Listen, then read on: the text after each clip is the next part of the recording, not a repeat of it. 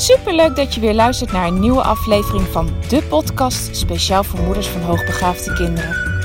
Mijn naam is Eveline Noordzij en in deze podcast deel ik tips en inspiratie, zodat jij meer en meer in jezelf gaat geloven en durft te vertrouwen op je intuïtie.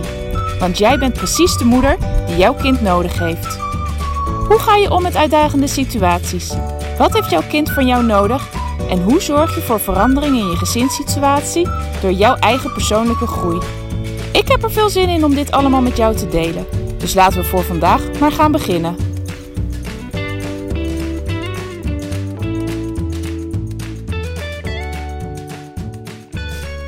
Ha, lieve luisteraars. Nou, daar ben ik weer.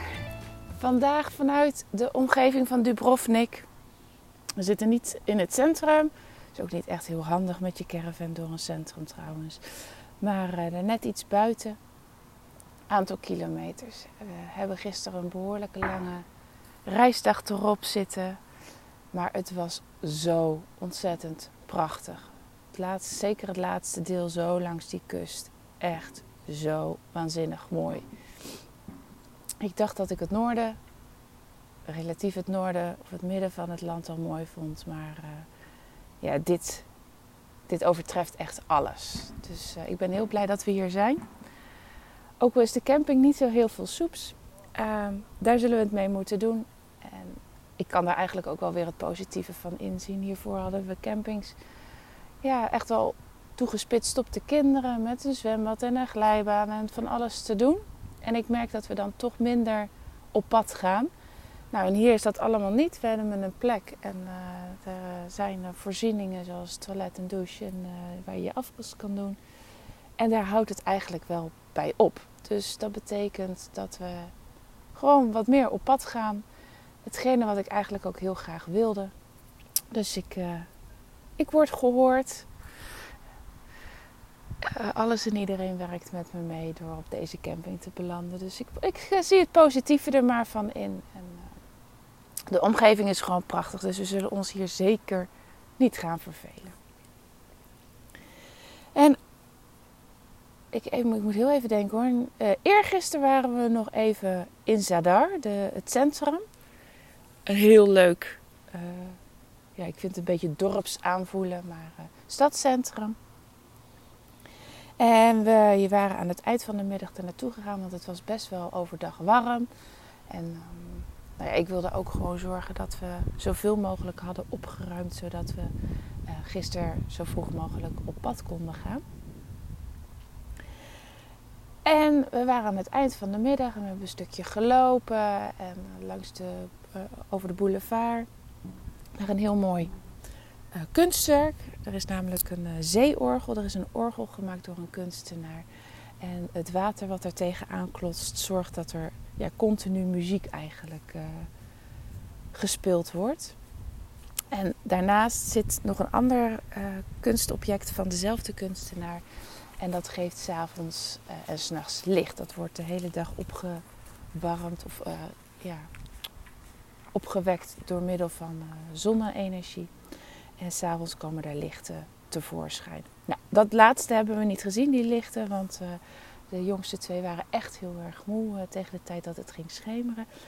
maar we zijn daar wel geweest en het kunstobject geeft ook nog aan wat het noorden is en wat het oosten is en het westen en het zuiden.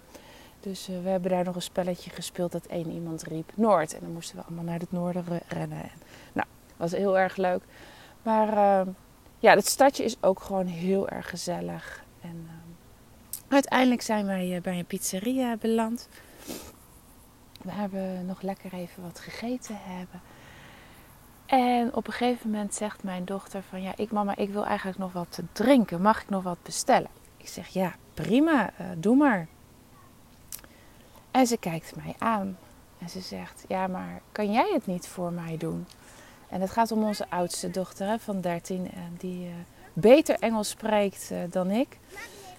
En ik kijk aan en ik zeg: Nee, uh, Mout, dat ga ik echt niet voor je doen. Jij je spreekt beter Engels dan ik en dat kan je prima zelf. Ja, zegt ze, maar ik durf niet. Ik zeg: Ja, dan heb jij toch zelf een uitdaging. je hebt de keuze. Of je doet het wel en je hebt wat te drinken. Of je doet het niet en je hebt niks te drinken. Ja, zo, uh, zo werkt het. Maar ik ga het in ieder geval niet voor je doen. En ze kijkt naar die oor. En ze gaat weer verder met eten. En ze kijkt nog een keer bij mij. Mam, hoe moet ik dat dan doen? Ik zeg, ja, hoe vraag je iets te drinken? Ja, nou, dat weet ik wel. Ja, dat weet jij wel. Ik zeg, je steekt je hand op als die ober jouw kant op kijkt. En dan komt hij vanzelf naar je toe. Ja, dat vind ik echt heel ongemakkelijk. Ik zeg, ja, als je het te ongemakkelijk vindt, dan moet je het vooral niet doen. Uh, maar de consequentie is dat je geen drinken krijgt. Hm, hm. Nou, dat heeft even een tijdje geduurd. En op een gegeven moment zag ik dat ze de vinger opstak. En die opa kwam direct en heeft ze er drinken besteld. En dit is nou zo'n voorbeeld van hoe je uh, natuurlijke consequenties in kan zetten op het moment dat je, dat je kind graag iets wil. Hè. Je, er zijn momenten die er zich er zo uitstekend voor lenen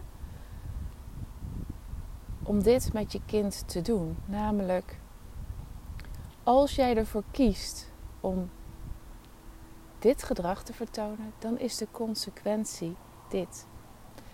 En dit is een heel simpel voorbeeld waarmee ik het heel duidelijk kan illustreren. Op het moment dat jij ervoor kiest om niet die open te wenken en niet je bestelling te plaatsen, krijg jij geen drinken. Makkelijker en logischer kan het niet. En er zijn in de opvoeding heel veel van dit soort momenten.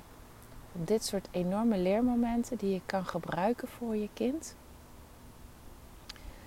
Waarbij de natuurlijke consequentie ze een kant op zullen sturen. En ik ben heel blij dat het feit dat zij drinken wilde, dat, dat, dat ze daarvoor gegaan is om toch over dat moeilijke moment, wat ze zelf heel lastig vond om die ober te roepen, heen is gestapt. Maar ik had er ook heel erg vrede mee gehad als ze het niet had gedaan. Want dan had ze ervaren dat ik het niet altijd voor haar ga oplossen. Dat ze zelf in actie moet gaan komen. En het gebruik maken van logische consequenties heeft ten eerste een hele positieve uitwerking voor kinderen op het moment dat je wil. Ze wil leren dat ze zelf initiatief moeten gaan nemen. Om te zorgen dat ze niet continu op jou gaan hangen. Maar je kan het ook inzetten. En daar deze podcast wilde ik daar eigenlijk heel graag naartoe. Je kan die logische consequenties ook heel erg goed inzetten in plaats van straffen en belonen. En ik heb het al vaker benoemd, ik ben absoluut geen voorstander van straffen en belonen.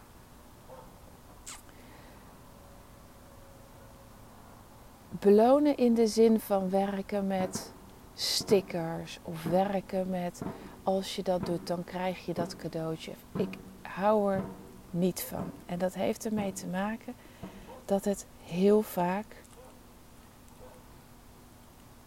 zorgt, ervoor zorgt dat je kind niet intern de motivatie heeft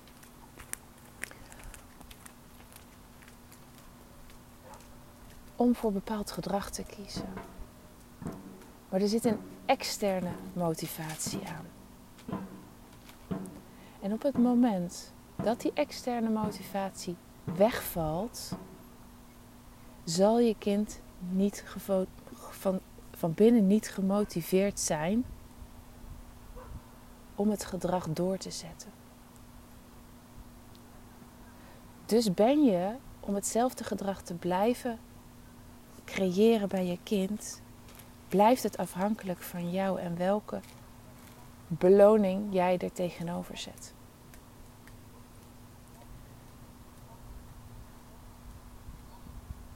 Wat het veel krachtiger is, is om gebruik te maken van die intrinsieke motivatie van je kind. Te kijken of je die kan vinden en kan, ja, het vuurtje daarin kan opstoken. He, zoals mijn dochter, die had zo de intrinsieke motivatie om wat te drinken te willen, dat ze uiteindelijk het ging doen. Dat kwam van binnenuit.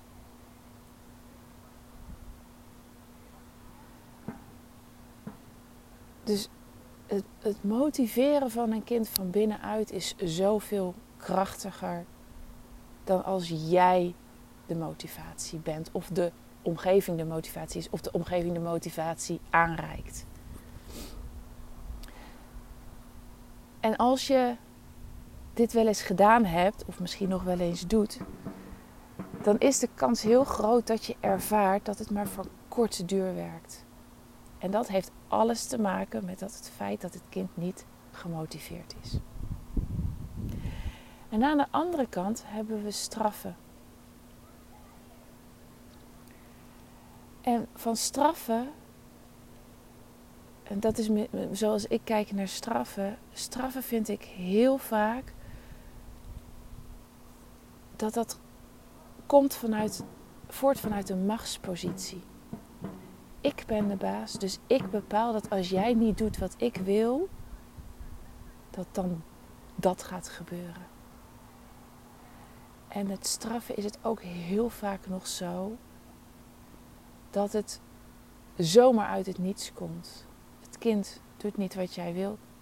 Dan mag jij dus maar morgen niet. Of dan ga jij nu maar dit doen.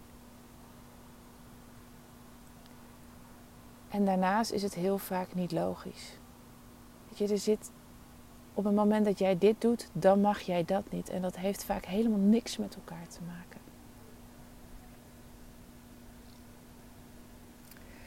En ik ben zeker geen heilige, want ook hoewel ik echt niet van het straffen hou, betrap ik mezelf er ook echt wel eens op dat ik het gedoe en dat ik het inzet. En vaak op het moment uh, dat het bij mij echt even, ja, dat ik het echt even helemaal gehad heb. Maar ik weet ook dat het niet werkt. En ook, ja, het werkt op dat moment echt wel heel eventjes. Maar het heel vaak doen werkt al niet. Zeker niet bij hoogbegaafde kinderen. Het blijven doen, het raakt op. Ze verzinnen wel iets nieuws. Uh, maar daarnaast leer je je kind er ook niks mee. Ja, behalve hoe je je macht inzet ten opzichte van een ander. Waar ik veel meer gebruik van maak, is ook daarin weer van logische consequenties. En ja, dat lijkt op straffen, maar eh, de insteek is namelijk heel anders. Op het moment dat ik, en daar begin ik altijd eerst mee, ik probeer eerst mijn grenzen heel duidelijk aan te geven. Ik probeer aan te geven uh, waarvoor ik wil dat er bepaalde dingen stoppen. Ik geef daar uitleg, ik geef daar context aan. Heel vaak is die uitleg en context hef al voldoende. Het kan al voldoende zijn. Zeker op het moment dat je daar rustig de tijd voor hebt genomen en vanuit je ik heb gesproken. En dat je dat ook echt helemaal voelt. Dat je echt voelt van dit wil ik echt niet omdat het iets is wat. je voelt het ook echt dat, dat hetgene wat ze doen, dat dat niet kan. En je doet het niet omdat je denkt dat de omgeving van jou verwacht dat. En op het moment dat je dat gesprek hebt gevoerd en het heeft niet het gewenste resultaat, dan kan je altijd vanuit die logische consequentie met ze het gesprek aangaan en zeggen van oké, ik heb het je nu uitgelegd. En ik heb je misschien wel twee of drie keer uitgelegd. Je hebt gezegd dat je het begrepen hebt. Dan ga ik er ook van uit dat je ander gedrag gaat vertonen. En jij hebt nu de keus. Of je gaat door met hetzelfde gedrag dan is de consequentie dit. Of je gaat niet door met, met hetzelfde gedrag. Dat is fijn, want dat is ook wat ik met je besproken heb. En om even, uh, en dan pak ik even een heel simpel voorbeeld. Op het moment dat ik tegen de kinderen zeg dat ik wil dat de iPad uitgaat, of de televisie uitgaat. Nou, inmiddels weten ze dat uh, als iets nog maar twee, drie minuten duurt, dat ze, zeg, dat ze kunnen zeggen tegen mijn mama: het duurt nog maar twee of drie minuten, mag ik het afkijken? Nou, heel vaak zal mijn antwoord ja zijn. Um, en dan zetten ze hem daarna eigenlijk ook uit. Maar er zijn ook wel eens momenten dat het nog heel erg lang duurt en dat ze een loopje met mij proberen te nemen door het toch nog af te willen kijken. En dan zeg ik tegen ze: Oké, je hebt nu de keus. Ik heb het nu gezegd. Ik zie dat je het niet doet. het duurt veel langer en ik wil gewoon nu aan tafel of ik wil nu verder met wat we aan het doen zijn of moeten doen. Je hebt de keus of je zet hem nu uit of je gaat door, maar dan kom ik hem uitzetten. Aan jou de, hè? Aan jou de keus.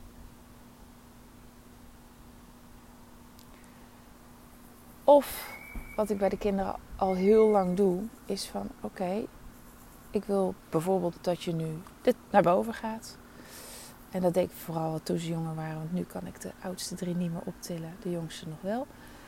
Ehm, we gaan nu naar boven. Jij kan kiezen of je loopt zelf de trap op of ik til je op. Nou, en zo, dat kan je ehm, heel lang, ja, je, je kan dat op alle vlakken doen. En ook dat kan je ook met oudere kinderen doen. Alleen de, de, de, het belangrijkste is dat je de, de link wel direct maakt. En dat het heel erg te maken heeft met wat ze aan het doen zijn. Zoveel mogelijk. Dat lukt echt niet altijd. Er zijn altijd gedragingen dat je denkt, ja, wat is hier nu de logische consequentie van? Um, dat, dat, blijft een uitdaging. Dat klopt, dat, ervaar ik ook zo. Um, maar dit geeft het kind de ruimte om zelf verantwoordelijkheid te nemen.